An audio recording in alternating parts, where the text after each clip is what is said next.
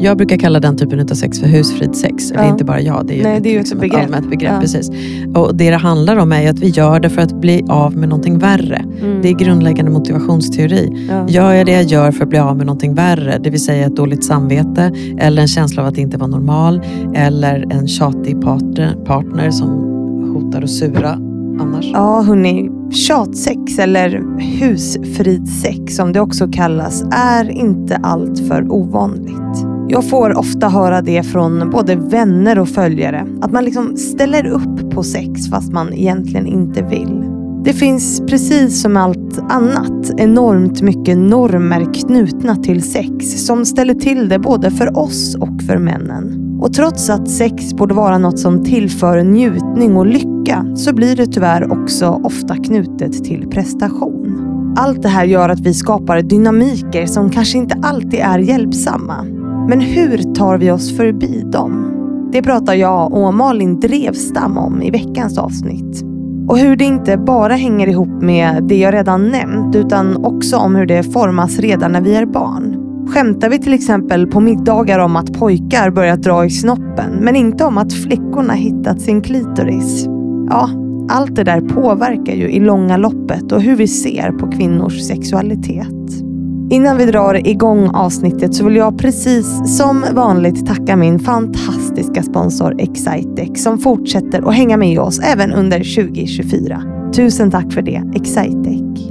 Men nu kära lyssnare, precis som vanligt, rätta till lurarna och dra upp volymen. För här kommer ett avsnitt med Malin Drevstam.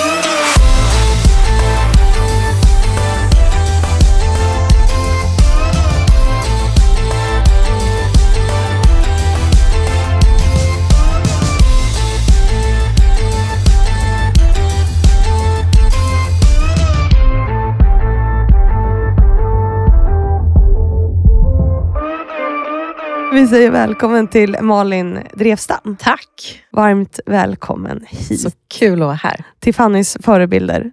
Eh, och du är sexolog. Det här är ett speciellt avsnitt. Eh, vi ska prata om sex. Ja, det ska bli väldigt spännande att se var vi hamnar. Så spännande, för vi har ingen aning. Jag sa, du har ju, de, det här har mina lyssnare hört tusen gånger, men gästerna får ju sällan någon förberedelse när de kommer hit. Jag kör ju allt på volley för det mesta. Mm. Och det tvingas mina gäster också göra. De flesta är fine med det. Men jag har också legat jätte, jättesjuk hela förra veckan, så du har ju verkligen fått noll så här, avstämning. Jag tänkte lite så, det ska bli spännande att se hur, um, hur ett avsnitt ser ut som inte på något sätt är förberett. Ja, men, Det är kul. Det är Inte på något.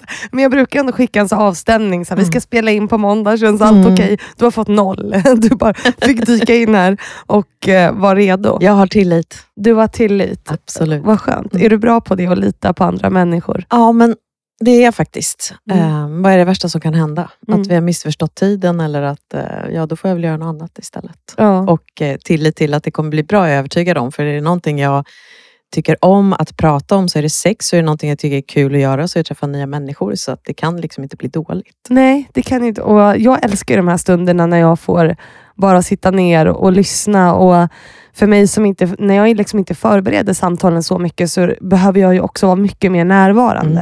Mm. Mm. Eh, och lyssna mycket mer aktivt. Mm. Det låter som bra egenskaper även i ett sexliv. Ah, du ser. ja, och, där, och det är så det är svårt, men det ska vi prata om. Att vara närvarande när man har Mm. sex och sådana här saker. Men, men jag tänker så här, eh, till att börja med så brukar gästerna få börja med att presentera sig själva. Mm. Eh, så jag tänker att du ska få göra det också innan vi kommer in på det gottiga här. Absolut. Ska jag börja nu? ja, börja Okej. direkt. Kör järnet. Och vem är jag? Eh, Jag är en 54-årig kvinna eh, som är mitt i klimakteriet. Mhm. Det är en väldigt aktuell uppdatering av vem jag är. Jag är i en väldigt spännande fas där jag har mycket roliga saker som ligger i lurar runt hörnet som lockar mitt intresse och mitt eh, engagemang. Men som bas så har jag eh, en eh, jag är sexolog och psykoterapeut, Mm. socionom i botten. Mm. Och jag har en egen mottagning på Grev Turgatan där jag träffar vuxna individer och par som har olika sexuella utmaningar. Mm. Ehm, och det är, liksom, det är där jag är närvarande. Det är min bas. Min, min mottagning är som min trygga grotta. Mm. ehm, där verkligen sker genuina möten som jag älskar.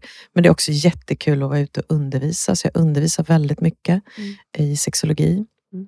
Jag undervisar också i anknytningsteori. Mm. Så det här som har med närhet och beröring och tillit och trygghet och utforskande ligger mig väldigt varmt om hjärtat. Så Mm. just relationer utifrån, vilka är det vi knyter an till och vilka upplevelser av tillit och mening i livet kan vi uppleva tillsammans. Ehm, Det är någonting som jag är genuint intresserad av. Läser mycket om. Jag går såklart mycket kurser och utbildningar. Allt ifrån läser forskningsrapporter eh, till att eh, gå olika typer av tantra, yoga, lärarutbildningar och jag mediterar dagligen. Jag har gjort det i 20 år nu. Så att, eh, ja, det var lite högt och lågt. Mm. Jag är också mamma. Jag är också bonusmamma. Mm. Jag är också fru. Eh, jag lever med min man sedan 24 år tillbaka. Eh, en, väldigt, eh, en relation jag är väldigt tacksam för. Mm. Ehm, Har ni bra sex? Jag är väldigt tillfreds. Ja, vad, vad härligt.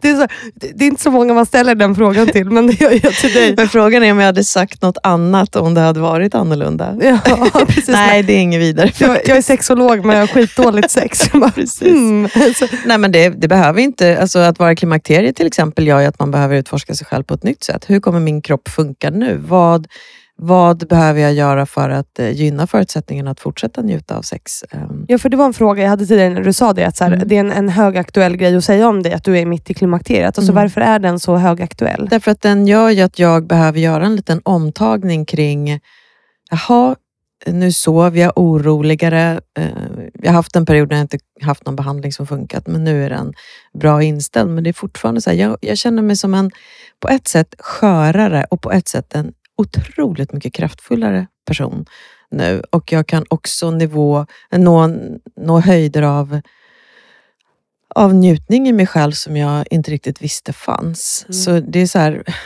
samtidigt, jag känner mig, det är någon som har myntat ett begrepp skörstark, jag vet inte vem det är nu, men det beskriver mig superbra Mm. just nu.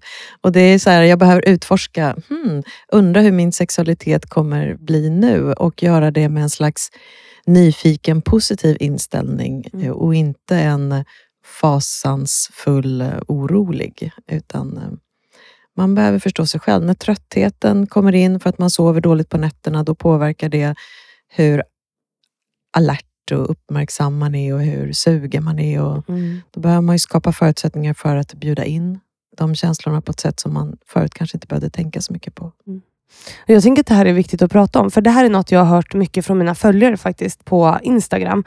Att vi pratar för lite om klimakteriet. Mm. Alltså jag har ju spelat in avsnitt som har handlat specifikt om liksom det kvinnliga könsorganet, vulvan, snippan, vad man nu vill Mm. kalla det för. Jag säger mutta eller så kallar jag det för min skatt. Mm. Men att, och, och att det är så stigmatiserat att prata om det kvinnliga könsorganet. Det är stigmatiserat att prata om kvinnors sexualitet. Alltså att det är liksom fortfarande ämnen som är svåra på något sätt. Och även klimakteriet är något vi pratar för lite om. Det är i alla fall Mm. mina följares upplevelser. Mm. Vad är din upplevelse av det? Ja, jag tycker ju att eh, det pratas mycket om klimakteriet nu. Inte på något sätt för mycket, men eh, det kan ju också vara att jag är biased. Mm. Jag söker ju med information som har med klimakteriet att göra för att det känns ytterst relevant för mig. Mm. Och det kan ju varit så att den informationen tänkte inte jag på innan jag hamnade i det. Nej. Men jag söker mig även, alltså jag läser litteratur, jag har precis läst en fantastisk bok som heter Wise Power som handlar om andliga aspekter av att gå igenom klimakteriet. Vad, vad kan det betyda för dig som människa att, att nå en ny fas i livet som inte handlar om att eh, vara mamma eller locka partners eller eh, vad det nu kan handla om. Utan så här, det här är vad jag blev och nu skalar vi bort allt trams Mm. och nu är det bara rå autenticitet som gäller och det är en cool känsla att närma sig det. Skönt att slippa ha mens. Alltså, Ärligt talat. ser du inte fram emot det? Alltså, Alltså, men vet du, jag tänkte faktiskt på det, även om det är många nu som har spiral som kanske inte har så mycket mens. Men eh, min man sa faktiskt det häromdagen. Bara, har du tänkt på en sak? Det var väldigt länge sedan jag fick torka blodspår efter dig här hemma. Vad skönt. han. Torka ja, men det, så det, jag, jag har haft så mycket mens i mina dagar. Det har varit så mäckigt och det är verkligen Mm. någonting som, som eh, jag skäms för att jag har glömt bort hur Mm. mäckigt det är. Ibland har jag funderat på varför tar kvinnor så lång tid på sig på toa? ja, Ja, de har lite att pyssla med ganska ofta. ja, men Och jag har glömt det. Det är inte klokt vad fort man Ja. vad fort man kommer ut fast man liksom har mens hela livet och sen ja, så bara... Exakt, exakt. Och hur, hur mycket det har påverkat ens liv av att hela tiden behöva tänka, har jag med mig skydd? Kommer det räcka? Tänk om jag blöder igenom? Mm. Oj, nu har jag ont. Och nej, nu vet jag att det kommer bli värre. Mm. Eh, Alltså det har ju verkligen upptagit mycket av ens Mm. eh, tankar och känslor att hantera mens bara. Mm. Och planering av sexliv och sådana saker. Ja, Alltså så här, det är ju väldigt få som vill ligga när man har mens. Liksom. ja precis. Det, är ju, eh, det blir ju mäckigt om inte annat. ja. men, men vissa säger också att man får mer sexlust när man har Mm. mens. Jag tänker att det är väldigt individuellt. För många som inte har andra preventivmedelsmetoder Mm. kan ju ofta uppleva att de eh, kan njuta lite extra. För det är en ganska safe period Mm. Att slippa vara orolig för gravid- graviditet till exempel. Ja. Ehm, och många känner sig... Alltså många som inte har så mycket smärta eller lider av menstruationen kan också känna sig extra kraftfulla. För mig har det i alla fall varit så att ehm, det är perioden precis innan mensen som är den jobbiga och första droppen som kommer, då känner jag så här, jaha, var det det? Och då, kan jag liksom, då får jag en väl energi helt plötsligt. Mm. Ja. Ja, det där med cykeln är olika. Ja, det hade jag faktiskt också ett avsnitt om. Mm. Att det är så sjukt. Alltså för kroppen påverkas ju så mycket av menscykeln. Mm. Alltså hur vi mår, hur våra kroppar är. Mm. Alltså jag började, när jag kom över 30 så började jag gå upp väldigt mycket i vikt till exempel i vissa perioder. Förstod inte varför. Jag har haft ätstörningar och blev ju väldigt triggad av det. Mm, det. Eh, det påverkar vår träning. Mm. Det påverkar liksom, alltså hur vi mår på jobbet. Mm. Men ändå så har vi ett samhälle som är absolut inte är anpassat efter Nej. att 50 procent av befolkningen liksom har en hormoncykel som är helt annorlunda. Mm. Eh, det är ju också helt sjukt, men vi ska inte grotta ner oss kanske i det.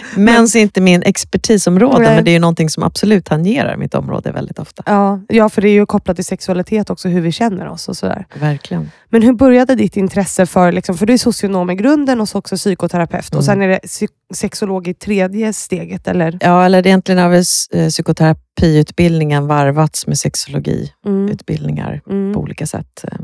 Så, men man kan väl egentligen börja med att första gången jag förstod att sexologi är ett ämne som man kan plugga var faktiskt eh, eh, millennieskiftet ungefär. Mm. Där jag eh, var själv i en kris. Jag har nämligen jobbat tio år som eh, säljare inom IT och media. Ah, alltså det, jag har gjort exakt samma faktiskt. Säljer jag såg faktiskt det när jag läste på din presentation. Att Ja. du har. Eh, och, eh, nej, och jag jobbade på ett företag som Fredrik Eklund, som numera är mäklare i New York. Vi jobbade tillsammans på ett företag med flera andra naturligtvis, där jag ansvarade för IT, att sälja in avatarer online kan man säga, Mm. som kundtjänstavatarer. Mm. Eh, men så blev det tydligt, dels min privata situation, jag var nyskild, hade just träffat min nuvarande man Ehm, och eh, vi bodde i Norrtälje och jag jobbade i Gamla stan och det var helt sinnessjukt hur jag hade tänkt mig att det där livet skulle gå ihop med att skjutsa barn till dagis och Mm. Eh, bearbeta känslor av att vara ifrån dem samtidigt som jag var galet nykär, samtidigt som det var skitcool bransch att jobba på ett startup. Mm. Men eh, allt det där ledde till att jag bröt ihop. Mm.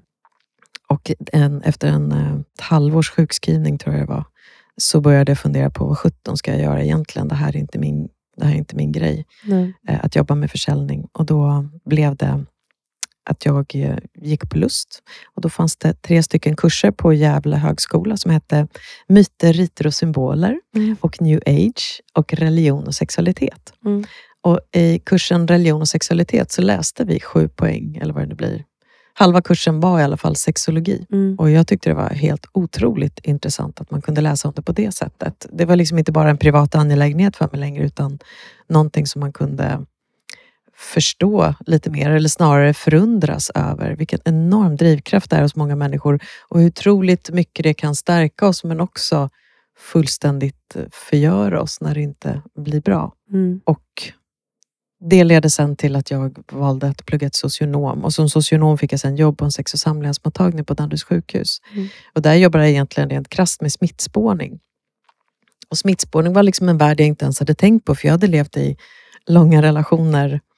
Alltså Eh, könssjukdomar och exakt. sånt. Ja. så det var smittspårning av sexuellt överförda infektioner som klamydia, gonorré, här, inte här, ja, klamydia, gonorré, syfilis och HIV. Mm. Eh, Så personer som hade fått testa positivt för det var tvungna att komma och berätta vilka de haft sex med, hur de haft sex för att man ska veta hur man ska ta prover. Vilka slemhinnor har liksom varit inblandade. Mm. Um, och huruvida de använder skydd eller inte. Så på väldigt kort tid var jag tvungen att, eller tvungen, jag, det ingick i mitt jobb att ha samtal med de här personerna. Både om vilka har du haft sex med och vad tänker du kring skydd? Mm. Vad tänker du om att eh, skydda dig själv från smitta och vad tänker du om att skydda andra från smitta? Mm. Um, och Det ledde ju till att jag liksom ramlade in i människors sexliv. Det var inte så att de själva hade sökt för att de hade problem, utan de flesta hade inga sexuella problem. De hade bara fått en könssjukdom på kuppen. Mm. Men det var ändå en, en, en betydande andel som återkom och fick eh, på grund av upprepade infektioner och så. De personerna kunde man ju så småningom märka att de hade eh, kanske lite mer otrygghet, lite mer ångest, lite oro, mådde sämre kring sin sexualitet. De vågade inte be om skydd. De, de ville inte använda det för att då skulle det försämra deras sexuella funktion till exempel. Mm. Så det var ju många olika skäl till att hamna i samtal som handlade om varför har du sex till exempel? Vad är mm. det du vill uppnå? Eh, och i många fall så är, var det ju eh, svar som kanske handlade om att eh, det är det enda sättet jag kan få närhet. Eller eh, jag behöver känna mig bekräftad. Eller jag tycker om kicken. Och inget av det där är ju fel i lagom dos. Men om det sker i övervägande dos, att vi har sex av andra saker än njutning och ömsesidig het, mm. så tänker jag att det kan vara värt att stanna upp och reflektera lite kring det. Såg du någon könsfördelning på det? Alltså vilka som var, eller var det typ 50-50? Eh, jag skulle, oh, jag kommer faktiskt inte ihåg. De vanligaste åldrarna att bli smittade var ju 16 till 24. Mm. Eh, jag kan inte säga att det var någon, Köns... någon könsfördelning. Nej, det var jämnt. hade du ja. reagerat på det antagligen. Men det är ja. när man är yngre som man har svårare att sätta gränser. Och liksom ja, det är ju ett utforskande. Dels är man inte mm. alltid medveten om, framförallt är inte hjärnan färdigvuxen. Den är mm. egentligen inte färdigvuxen förrän mellan vi 25 och 29 år. Så att vi kan sitta i ett lugnt samtal med en kurator på en sex och samlevnadsmottagning och prata om hur vettigt det är att använda skydd. Mm. Men sen så, så, så, dricker vi tre öl eller ett par glas vin och sen är vi med våra vänner. Mm. Och plötsligt så är alla de resonemangen bortflugna och vi gör lite på impuls. Ja, och, och det är ju när man inte är färdig och när man inte har lärt känna sig själv så är det mycket svårare att sätta gränser, tänker jag. Verkligen. verkligen. För att liksom säga så här, nej men det här vill inte jag eller jag vill Precis. ha skydd och så vidare. Vad ska den andra tro om jag vill ha skydd? Vad kommer mm. den tänka att jag har gjort innan? Ja. Eller vad kommer den tänka om mig? Och, ja. Så ja. det är jättemycket antaganden som dyker upp när man pratar om skydd. Men mm. för en del är det ju, var det liksom, skydd var inte på fråga, för jag levde i en relation och jag trodde vi var trogna. Ja. Så det kom ju in smittor ifrån sidan, lite oförberett för en del personer. Så det var ju många samtal också då om, om otrohet och många kriser som man fick möta. Så det var, jag är väldigt tacksam för den starten, för jag har haft många, många hundra människor som har pratat om sina sexliv utan att de har sökt för problemen. Mm. Utan det är snarare så att de har blivit lite reflekterande i samtalen. Mm ja, hur är jag egentligen i mitt sexliv? Och, mm. Mm. Det där tänker man inte. Alltså, eller det kanske man, jag vet inte, det känns bara som att sex ska vara en naturlig del av livet och mm. relation, men det är inget vi liksom jobbar med eller tänker på Nej. generellt. Och Det är det som jag tänker är lite sorgligt, att, att många får för sig att sex är något som naturligt ska funka. Mm. Men sex är en färdighet i allra högsta grad. Mm. Det handlar om att du behöver förstå dig själv och din kropp. Du behöver förstå den i stort, mm. vad du brukar tycka om eller inte tycka om. Mm. Men sen kommer dagsformen också avgöra. Hur uppmärksam är du på dagsformen? Hur mycket mm. gör du av bara farten? Mm. Och hur mycket gör du för att du faktiskt tror att du kommer må bra av det? Mm. Men om jag då säger till dig så att vi ska prata om sex ur ett jämställdhetsperspektiv. Mm. Vad blir dina första tankar då? Alltså vad tänker du? Vet du, den tydligaste spåret som ofta återkommer eh, för mig är faktiskt vilka förutsättningar vi har med oss från det att vi är barn. Mm. För om man tittar på eh, det faktum att pojkar har sitt kön utanpå kroppen, mm. gör ju att de skapar en relation till en plats på sin kropp som de sen eh, på något sätt eh, använder sig av resten av livet. Mm. I bästa fall, och för män de flesta fall, så är det en relation med en plats på kroppen som vill leka med dig, som är spännande, som är lite oförutsägbar, som är intressant att utforska. Mm. Så när du är liten kanske du eh, ägnar mycket tid åt att dra och rycka och, och, och tycka att det är skönt till Mm. exempel. Och sen när det kommer upp i tonåren så börjar det blandas med sexuella tankar. Mm. Och det är någonting som är lätt. Det är lätt att odla en sån typ av relation. Den är där, det är inget konstigt. Medan för mm, personer då med snippa, Mm. flickor när de är små, har ju inte den så att säga uppenbarelsen. Mm. Många flickor har ju upptäckt, eller kvinnor har ju som barn upptäckt hur skönt det kan vara att röra vid sig själv. Men för väldigt många upplever jag att det är en slump som har gjort att de har upptäckt det. Mm. Eh, någon, någon beröring som de råkade upptäcka var skön. Och, eh, men det krävs väldigt mycket mer för att vara uppmärksam i den platsen på kroppen. Mm. Eh, och jag tänker att det är, vi har lite orättvisa fysiska förutsättningar på det sättet. En kvinna behöver skapa en relation med sitt kön inifrån. Mm. Att träna sig på att vara uppmärksam på hur känns det i mitt kön inifrån. På Mm. ett helt annat sätt än som män har haft en, en biologisk eh, förstärkningsmekanism som började utifrån och sen förankrade sig inuti. Mm. Eh, och min uppfattning är att kvinnor har inte de fördelarna. Men jag tänker också så på hur omvärlden eh, formar oss också. Alltså att, för det sa Katarina Wenstam när hon var här, att så här, Mm. vi skämtar ju på middagen om så här, nu har han börjat dra i snoppen. Alltså, du Mm. vet, så här, men det, det är inte ofta vi sitter och skämtar om så här, ja, nu, har, nu har hon hittat sin klitoris. Nej, Alltså, så att det, är också, det finns ju en syn på, på tjejers och Mm. kvinnors sexualitet i förhållande till Mm. pojkar. Alltså att pojkar ska vara lite så dra Mm. i snoppen och Mm. vara lite sådär snuskiga. Men tjejer ska ju inte det. Och det tänker jag Nej. också ha någon form av inverkan Absolut, på... och det är lite det jag menar också. Att det hänger någonting utanpå kroppen så är Mm. det nästan oundvikligt att komma åt det på ett eller annat sätt. Ja. Medan för att en, en tjej ska komma åt eh, sköna delar på kroppen så behöver hon på något sätt vara mer intim Mm, med sig själv. mm, Eh, och då blir det plötsligt en mycket mer avancerad handling. mm, Jag vet att jag själv fick budskapen från min mormor när jag var liten. Då kunde hon säga på morgnarna när hon hade sovit över hos oss.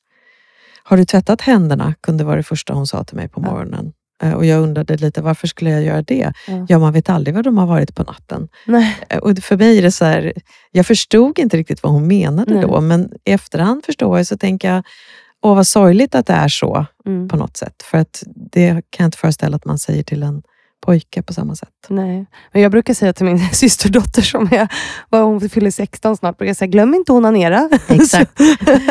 Verkligen. Nej, men det är ju någonting som vi, vi har ju både tjejer och killar i vår familj. Och, eh, men det har ju varit naturligt. Jag har jobbat med det här. Det är inte så att vi har suttit och sagt eh, så här gör ni när ni onanerar. Men det har varit helt underförstått att Mm. glöm inte utforska vilka skatter din kropp har. Nej. För det är verkligen helt otroligt vad en kvinnokropp kan njuta Mm, som är outforskat för väldigt, väldigt många. mm, Eh, Och som också är outforskat av en själv. Mm. Ibland kan det vara välutforskat av andra personer, mm, men inte av en själv. Och Det tycker jag är väldigt synd. För att det, det går verkligen att förstärka och fördjupa och expandera njutningen på egen hand långt upp i klimakteriet. ja. Men man får inte sluta vara nyfiken på sig själv och tänka att det är någon annan som ska upptäcka det. Nej. Och jag tänker det att om vi, om vi börjar se på könet, jag vet att det är jättemånga kvinnor som redan gör det, och jag är superglad åt de som redan gör det, men könet är en tillgång och en resurs och som du säger en skatt. Mm. Någon kvinna sa mitt nöjesfält. men det är verkligen en väg till otroligt mycket välbehag om Mm. vi bara tar oss tiden. Men ibland blir vi så måna om vårt yttre Mm. att vi inte tar oss tiden att upptäcka vårt inre. Mm. Och det hänger ju sjukt mycket ihop, tänker jag. Ja. Eh, Det här, det för när du säger det inre, så Mm. pratar du om känslor? Eller det Jag menar känslor, för mig blir det väldigt sammankopplat. När Mm. jag upptäcker vilken njutningspotential min kropp har med mig själv, Mm. då kommer jag också känna en väldig power. Mm. Jag kommer också känna en väldig eh, en mycket större autonomi på något sätt. Mm. Tänker, jag är inte beroende av någon annan för att kunna njuta av min kropp. Jag kan göra det i och med hjälp av mig själv. Mm.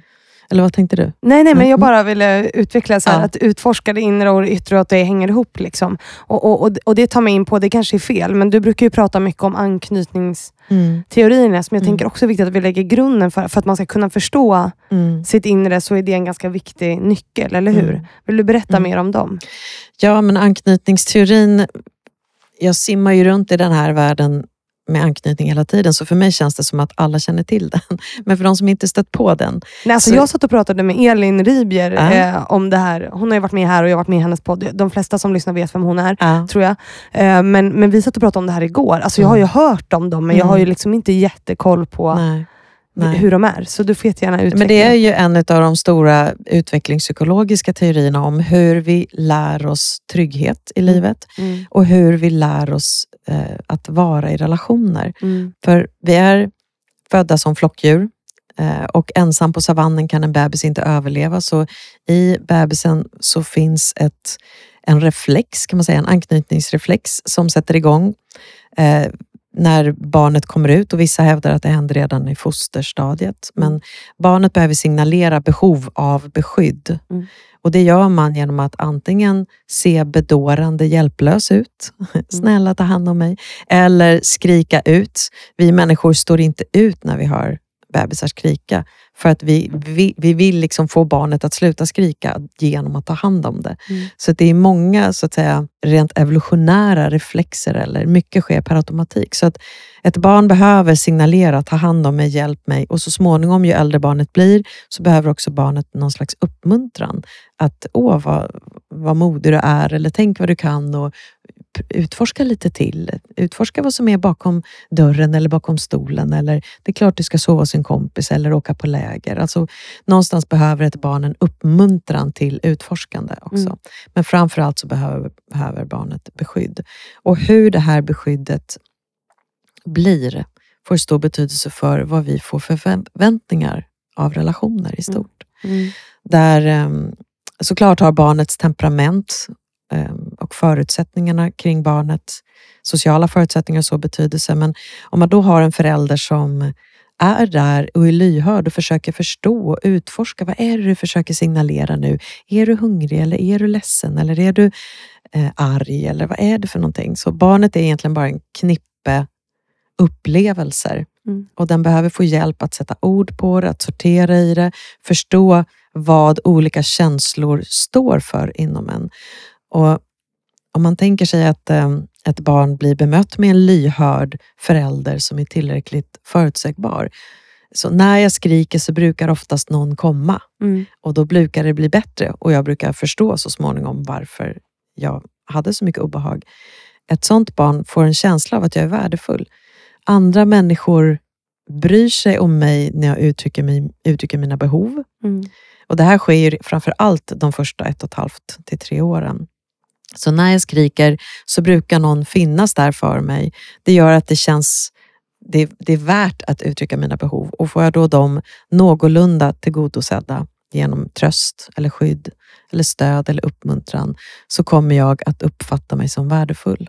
Jag kommer uppfatta mig själv som värdefull, jag kommer uppfatta andra människors intentioner som goda.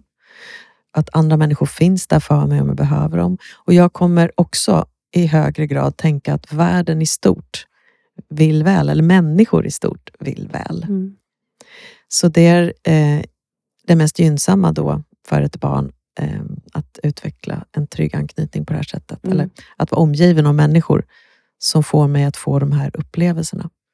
Men sen kan man ju ha föräldrar som inte kan, inte förmår vara lyhörd för barnet, som låter barnet ligga och skrika sig till söms. Och bara för att ett barn som har skrikit sig till söms tystnar betyder inte det att barnet är tröstat. mm, Det betyder att barnet har givit upp och inte orkar skrika mer. mm, Så det barnet blir ju inte bekräftat i sitt känsloliv. Ett, ett barn kan också bli bestraffade för att de låter eller tar plats eller väsnas eller uttrycker negativa känslotillstånd. Och de barnen kan då uppleva det som att när jag uttrycker mina känslomässiga behov så får jag antingen inte gehör överhuvudtaget eller så är det någon som blir arg på mig. Mm. Och då kommer jag att tystna. Då kommer jag sluta förmedla mina behov, det kommer också göra att jag slutar ens lyssna på mina behov. Men eftersom jag ändå vill tillhöra flocken så kommer jag börja göra saker som handlar mer om att få uppmärksamhet och Mm. få bekräftelse. Jag presterar kanske för att få uppmärksamhet Mm. istället för att relatera. Och barn som inte lär sig lyssna på sina känslomässiga behov och uttrycka dem brukar kallas för otryggt undvikande anknutna. Mm. Man blir känslomässigt undvikande och relationellt undvikande. För det är i relationer som känslor ofta uppstår. mm.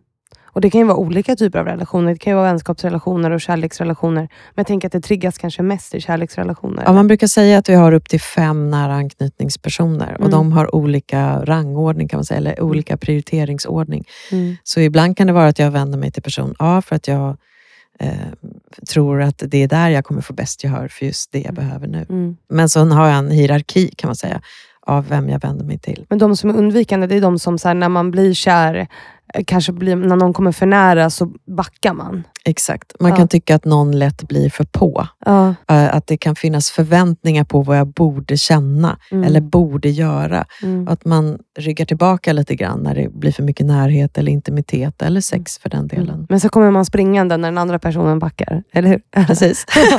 ja, förlåt. Det, det Nej, men då vågar man ju närma sig, för man vill ju ändå ha lite bekräftelse. Och man vill ju liksom, Mm. De flesta människor vill ha en relation, Mm.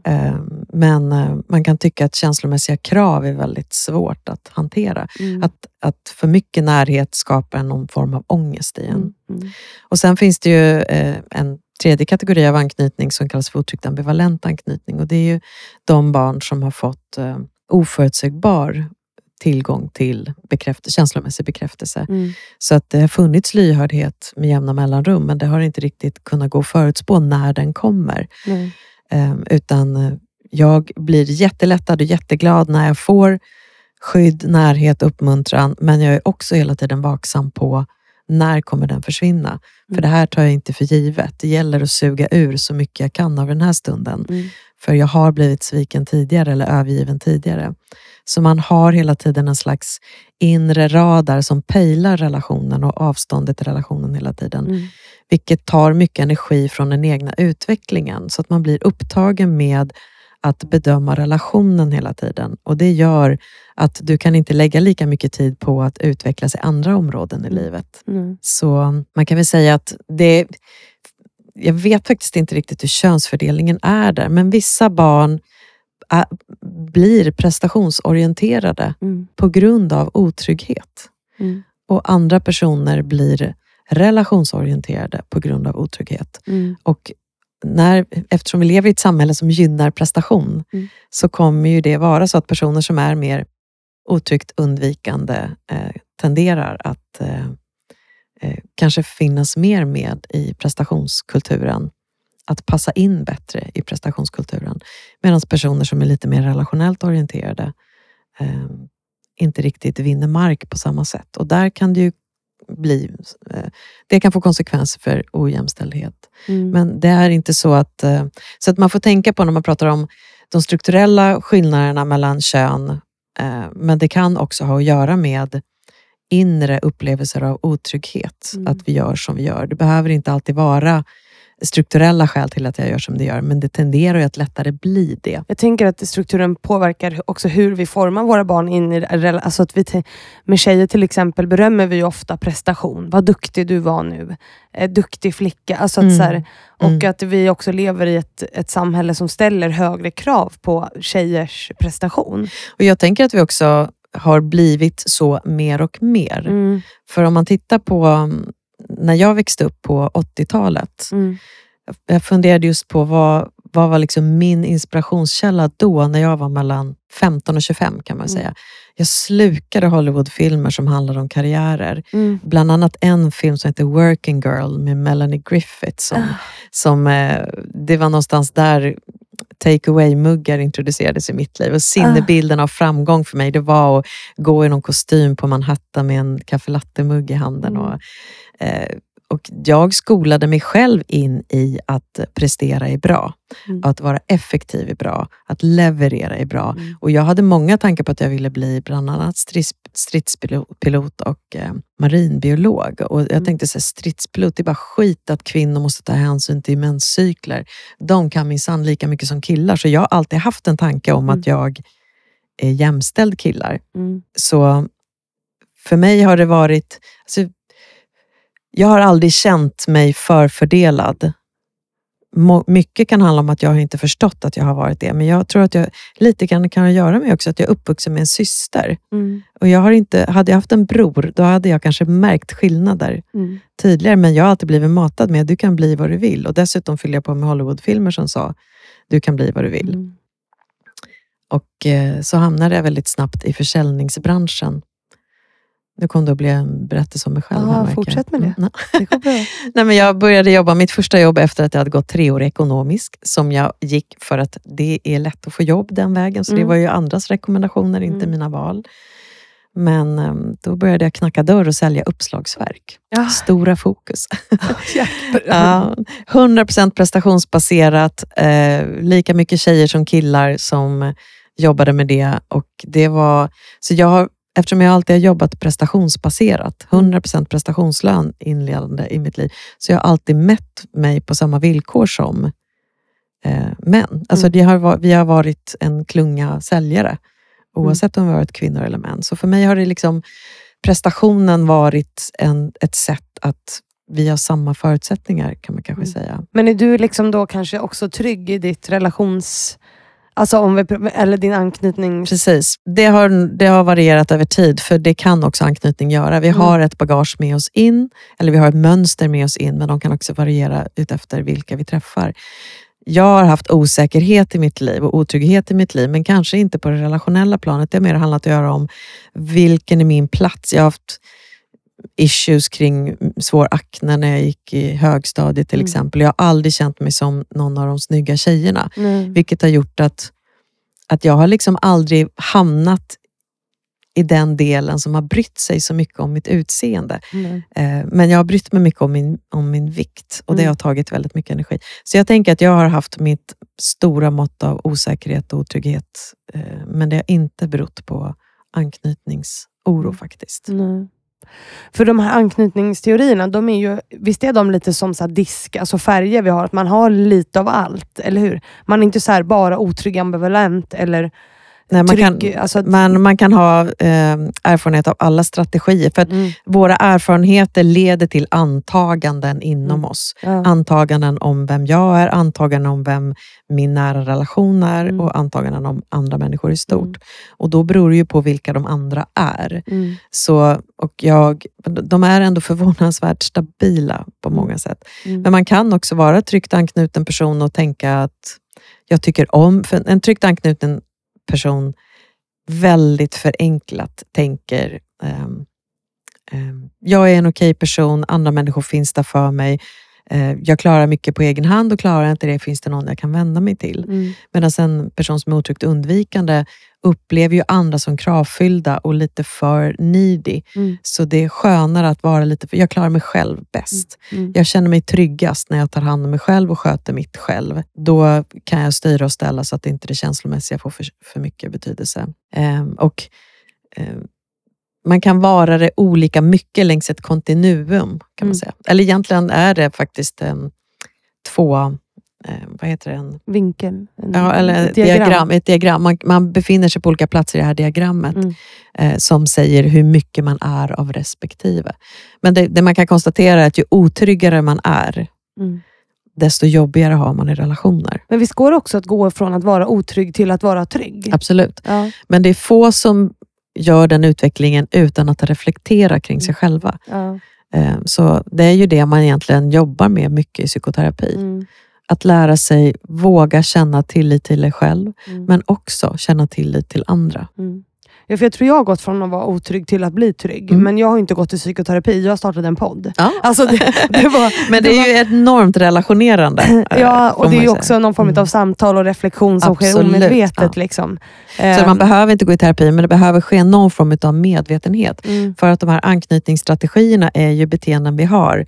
Att dra mig undan eller bli pockande, Mm. skulle man kunna säga. mm, Det är strategier vi har utan att vi tänker på det väldigt ofta. mm, Men när vi börjar fundera på, ja, hur är jag egentligen? Är jag den som nästan aldrig svarar på ett sms Mm. när jag är i en datingprocess eller har en relation? mm, Eller är jag den som skickar 20 sms om dagen? mm, Hur mycket av min tid ägnar jag åt att fundera på hur mycket tycker han eller hon om mig? mm, Vad, vad betyder jag i den personens värld?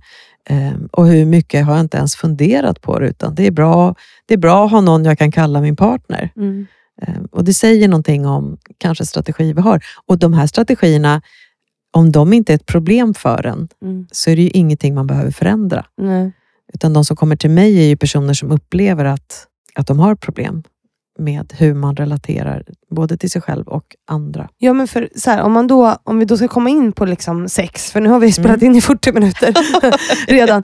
Men, men liksom, för när man kommer, då kommer man som par och så har man någon typ av liksom, utmaning. Vad kan det vara? Liksom? Eh, Det, ja, det kan vara allt ifrån att de har olika idéer om hur ofta man ska ha sex. Mm. Det kan också vara olika idéer om vilken sorts sex Mm. man vill ha. Och Det Mm. kan vara rena funktionsproblem, att någon Mm. kommer eh, tidigare än i vanligaste fallet han önskar. Eller att man kanske har, man spänner sig mycket vid sex och tycker inte att det är särskilt skönt och ser Mm. inte poängen med sex riktigt. Nej. Um, så det är ju det är vanligt och ibland så ser jag par som jag upplever är tryggt anknutna till varandra där det finns en så här, uh, vi vet inte riktigt hur vi ska göra, det finns en smärta som vi inte riktigt, vi blir nervösa hur vi ska hantera den. Mm. Kan du hjälpa oss och guida oss med det till exempel? Mm.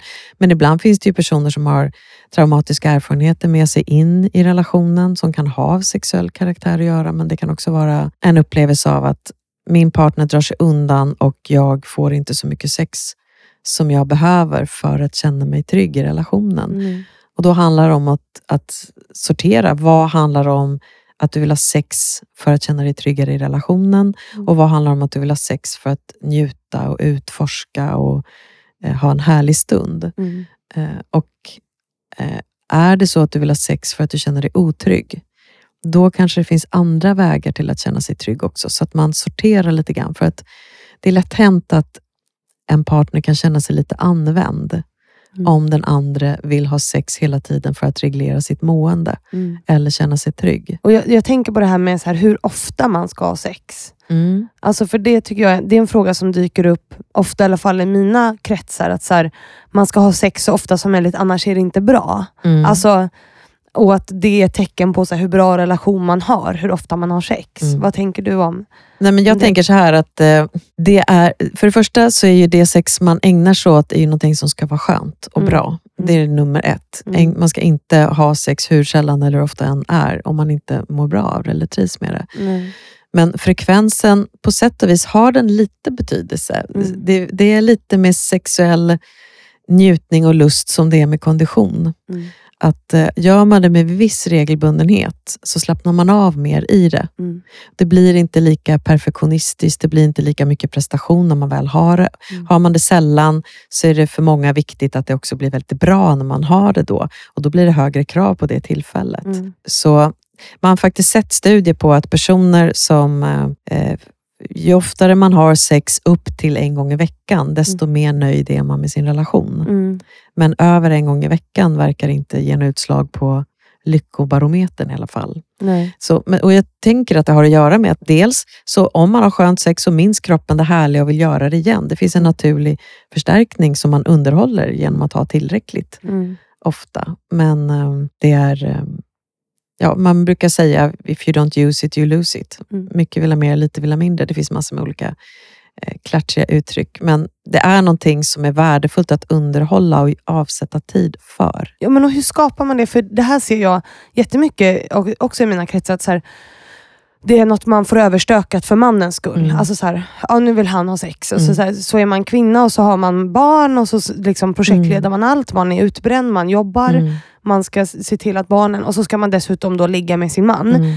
Eh, och någonstans så har liksom attraktionen försvunnit. Mm. Och man bara man liksom ställer upp på Mm. sex. Alltså Mm. Det är så vanligt. Jag får det Mm. också från mina följare. Alltså att Mm. så här, nej men jag bara gör det. Och det är ju Mm. på ett sätt ett övergrepp alltså mot sig själv Mm. och, och liksom från Absolut. partners sida också. För det är ju inte. Om partnern förstår att man egentligen inte vill, Ja. så är det ett övergrepp från partnern också. Mm. Men det är inte alltid partnern förstår. Nej. Eh, och där tänker jag att jag brukar kalla den typen av sex för husfridssex. Eller Ja. inte bara jag, det är, Nej, ett, det är ju ett liksom begrepp. allmänt begrepp. Ja. Precis.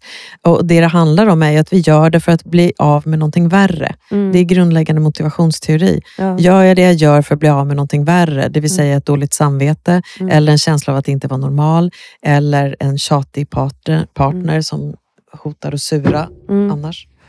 Ehm, så det ska man inte göra. Nej. Det är absolut ingenting som kommer göra att din lust kommer öka. Nej. Du kommer få en tillfällig lättnad och sen kommer du bli mer irriterad. Så däremot så, så behöver man kanske ta reda på vad skulle jag behöva för att komma i kontakt med min lust? Mm. Och lever vi i ett väldigt prestationsinriktat liv med mycket ansvar kring hem och hushåll och annat Mm. så behöver man kanske fundera på vad kan jag stryka? Vad kan jag behöva justera för att ge utrymme för närhet Mm. som kan leda till sex? Mm. Om det är någonting jag tycker om. Mm. För det finns många saker som kan göra våra liv meningsfulla. Men relationer som har ett sexliv som hedras, där båda mår bra av det sexet som man har, de har mycket större krockkuddar Mm. mot livets utmaningar. Mm. Så det finns ändå någonting värdefullt att fundera på. Hur skulle vi kunna skapa utrymme för ett sexliv som funkar även för mig, om jag nu är den som känner mig pressad? Mm. För jag upplever att många kvinnor som, som jag pratar med, alltså jag pratar ju mycket med kvinnor, så är det ju, Mm. och det är det perspektivet Mm. jag försöker ha i den här podden. Mm. Det är att man liksom tappar attraktionen för sin Mm. partner. Mm. Och det hade jag också gjort om jag levde med en mansbebis. Mm. Alltså, I'm sorry, men, men jag hade ju också bara inte velat ligga med en man som inte tar ansvar för hemmet eller för barn. Eller du vet, så här, hur hittar man... För jag, jag tror att det är en vanlig fälla. Eller har jag Mm. fel? Eller vad är din Nej, men jag det? vill, jag vill lägga till att attraktionen försvinner oavsett. Ja, tänker jag. Så man ska inte ha sex som bygger på attraktion. nej. Att ha sex som bygger på ett förförelsespel eller sexighet eller attraktion, det är inte för mig det långsiktigt gynnbara sexlivet. Mm. Det långsiktigt, eller gyn, hållbara. Det handlar om att, att komma överens om att vi trivs med att ha sex, ska Mm. vi ha sex? Mm. Inte, sen kan man bygga upp en stämning som handlar om förförelse eller så, men Mm. om sexlivet bygger på attraktion, då bygger det också på att man på något sätt ska locka till sig eller förföra. Och Mm. det är ju, En del kvinnor kan behöva göra det för att komma igång med sig själva, men för det mesta behöver vi göra någonting för att må bra. Mm. Inte för att förföra eller erövra. Um, och den här scenen har jag haft anledning att prata om så många gånger den här veckan, men jag tycker den är så fin. I en långsiktig relation så ska man kunna säga, älskling, ska vi knulla? Mm. Och det räcker. Jag Mm. behöver inte göra mig fin, piffig. Jag behöver inte ha en dans. Mm. Däremot så behöver jag, eh, om jag får frågan, så behöver jag känna så här, ja, men jag behöver först att vi hjälps åt i köket. Eller jag behöver eh, att du eh, alltså på något sätt dela upp. Självklart ska ansvaret vara uppdelat. Och en, Mm. När du säger mansbebis så tänker jag att det är ehm, Eh, att bli mamma till sin partner är ju det mest osexuella. Det ska vara så.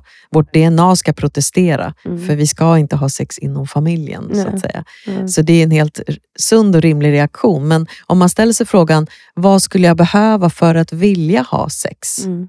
Och inte lägger det ansvaret på min partner, utan funderar på vad är det i mitt liv som ska behövas till.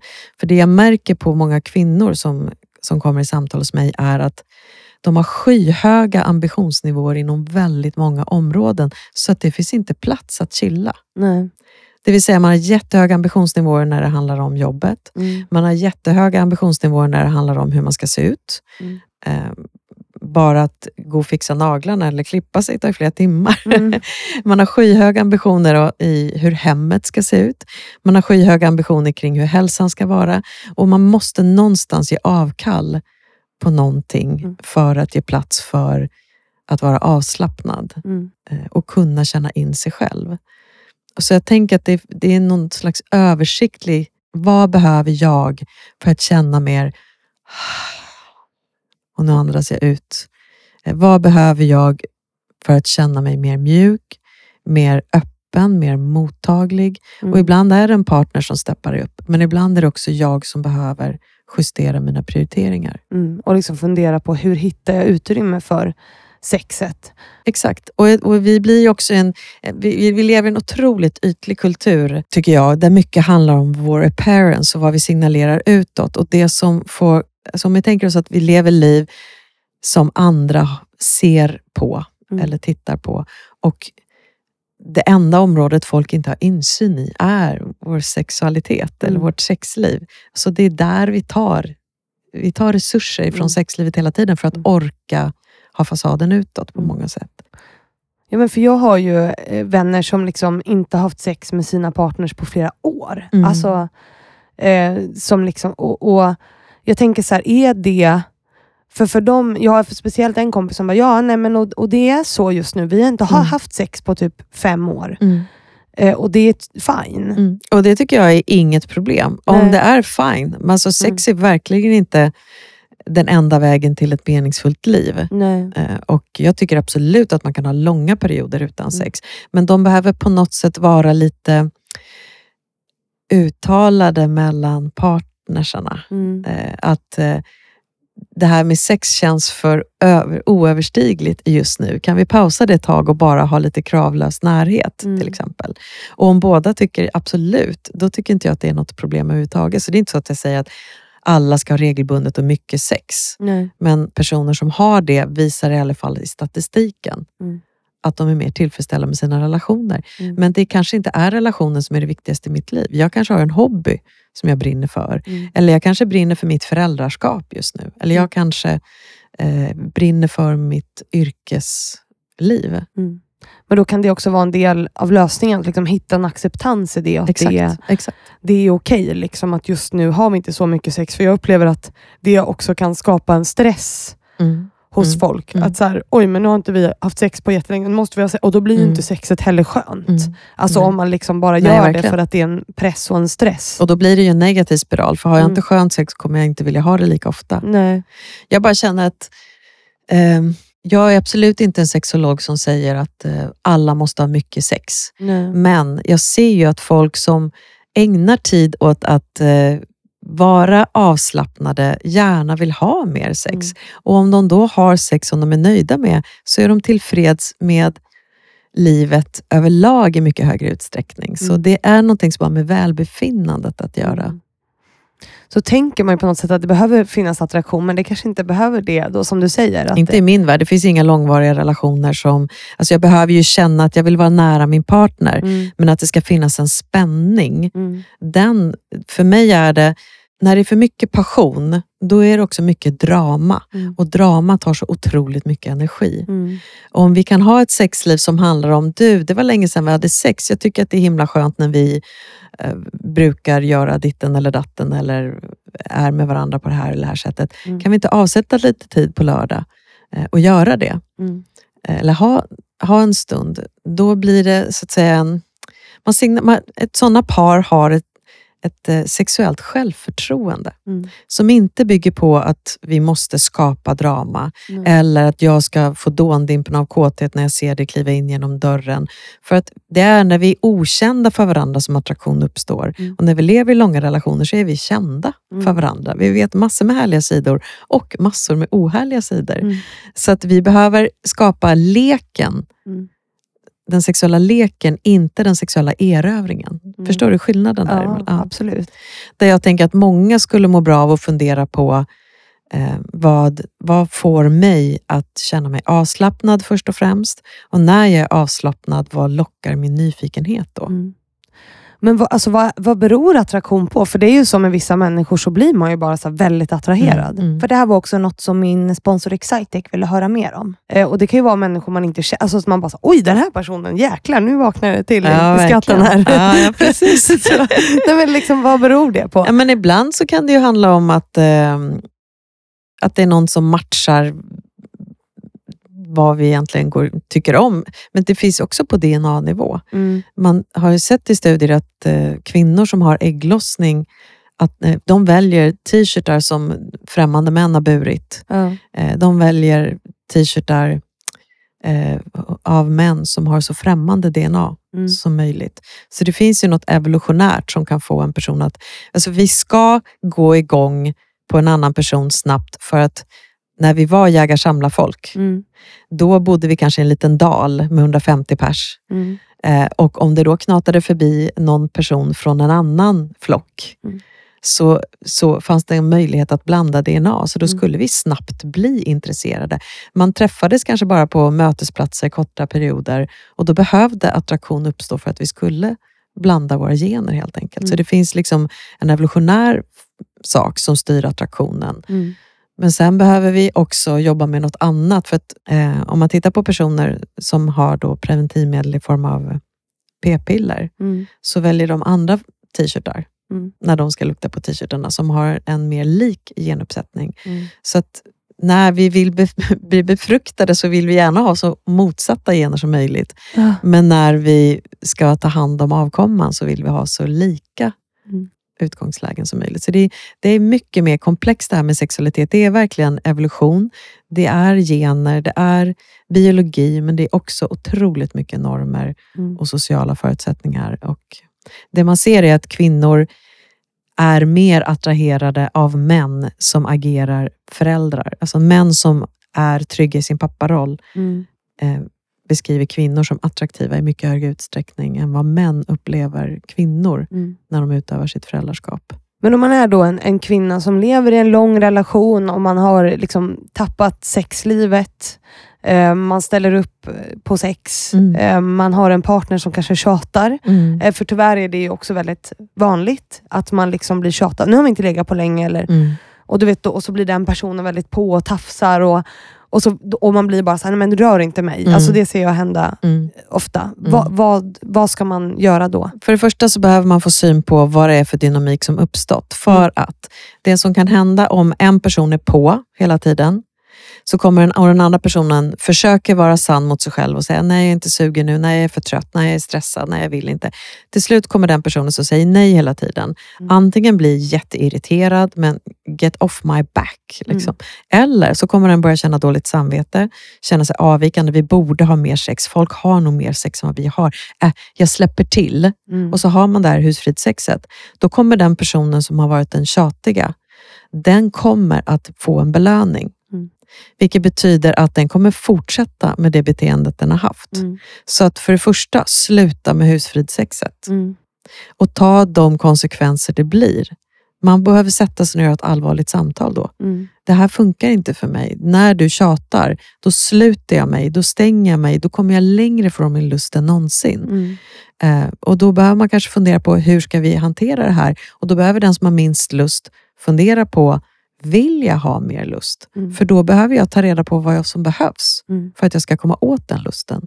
Och ibland är det mer jämställdhet, mer lika fördelning mellan hushållsarbete eller ansvar till exempel. Men det kan också vara att jag behöver mer tid för mig själv. Mm. Det kan också vara att jag behöver mer uppskattande ord. Jag kanske verkligen behöver mer uppvaktning. Att höra att jag är en tillgång i relationen eller att jag är fin eller vad det kan vara. Så att man behöver för det första få syn på dynamiken. För den som ställer upp på husfridssex bidrar lika mycket själv till att det blir tjatsex Mm. som den som tjatar. Så antingen stäng och problematisera. Och säg, det Eh, här, eh, är, det här är ett problem. Liksom. Sluta gå med på husfridssex. Sluta ge dig. Mm. Ge, ge, vad säger man? Eh, Ja, sluta ge med dig. Eh, Och ta en allvarlig funderare på, vill jag ha mer sexlust? Och i sådana Mm. fall, vad behövs för att Mm. jag ska komma i kontakt med den sexlusten? Mm. Och Och sitta ibland- ner och prata om det. Alltså Ja. så här, vårt sexliv. Liksom. Men verkligen, men, men många, många personer, om vi ska ta en jämförelse, personer som, om vi tar kvinnor mm. som har varit utmattade, de får ju ofta gå stresshanteringskurser och lära sig lyssna på sina egna behov. Mm. Och när vi är i kontakt med våra egna behov och står upp för dem, Mm. då blir det ofta konflikter. Mm. För det blir nya mönster som ska etableras. Men det är samma sak med sex. Vi måste vara i kontakt med våra egna behov Mm. för att hitta lusten på rätt nivå. För att eh, Anna, om, om jag är trött, stressad, då krävs det liksom en superman Mm. för att övertrumfa bromsarna för min lust. Mm. Och det finns ingen fast relation i världen där du kommer uppfatta din partner som superman. Nej. Utan det krävs en extrem attraktion Mm. för att en trött och sömnig och stressad kropp ska känna lust. Mm. Och det är orimligt att begära att det ska uppstå. Utan man behöver leta efter det i avslappning, Mm. inte i attraktionsöverträffande. Nej, precis. Så att hitta någon form av avslappning. Då kan man meditera eller... Jag gör sånt, om- vi säger så här, om jag säger uttrycket, nu låter jag så här. Ah, Ja. när du känner så, vad är det du har gjort precis innan? Mm. Förmodligen någonting som har varit bra för ditt lugn och ro-system. Mm. Har du just tränat? Har du just legat i ett varmt bad? Har du just pysslat med någonting mysigt? Har du just gått en lång promenad? Har du just haft ett superhärligt samtal med någon? Mm. Ta reda på vad som får dig att känna mer, ah, i livet och gör mer av det. Mm. Det är den enklaste starten. Då kommer sexlusten att komma tillbaka. Det är faktiskt så att sexlusten, om vi har positiva erfarenheter av sex, ska Mm. tilläggas.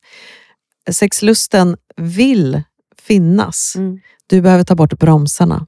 Du Mm. behöver ta bort hindren. Mm. Så kommer den att blomma. Och hindren kan ibland vara partnerns engagemangsnivå. Men det kan också vara din egna belastning av dig själv i livet. Du måste kanske tagga ner inom något område, även på din planhalva. Mm. Men sen är det väl också så att när vi inte har sex så dör ju sexlusten. Eller? Absolut. Så när vi väl är avslappnade, då behöver vi också locka fram den på något Ja. sätt.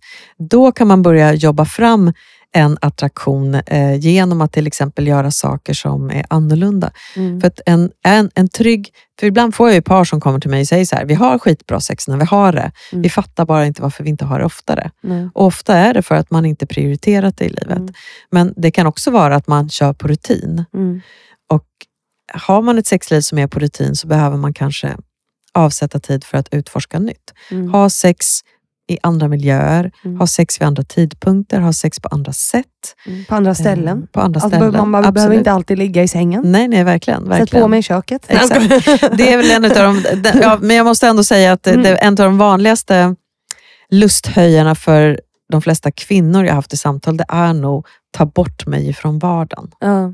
Att inte gå omkring, för det är svårt ibland att stänga av Mm. alla måsten när vi Mm. är i hemmamiljö hela tiden. Ja. Där många män beskriver att eh, många mäns sexlust eh, kommer lite mer omedelbart. De går lättare in i ett tunnelseende. Mm. Ja, ja, det spelar ingen roll om det ringer på dörren. Nu ska vi bara ligga lite. Exakt. Och för många kvinnor så är det mycket mer, man har spretigare, mer helhetsöverblick Mm. hela tiden. Så man kan Mm. behöva jobba mycket hårdare med att vara kvar i fokus. Mm. Det är lätt hänt att man funderar på mitt i sexakten, startade jag tvättmaskinen? Eller, oj jösses, det var imorgon, det var bar- barnen skulle ha utflykt. Och, Mm. Det är så, så himla svårt att komma till det där tänker jag. Och du, du sa också någonting om att vi är så himla medvetna om våra kroppar. Liksom. Mm. Att, att sexet blir en prestation. Mm. Nu ska jag vara snygg, nu ska jag vara sexig, eh, nu ska jag stöna. Nu ska, alltså, du Mm. vet, eller, det är bara min... nej, men jag tänker också, ju mer vi initialt har använt oss av eh, en kropp som är top notch, Mm.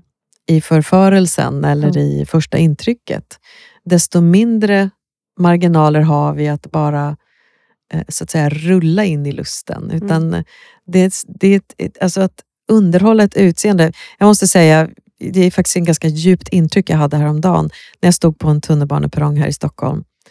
Eh, och Det stod en tjej, hon kan ha varit i 25-årsåldern och hon hade ett ansikte som var som en porslinsdockas. Mm. Det var helt omöjligt att utläsa uttrycket hon hade.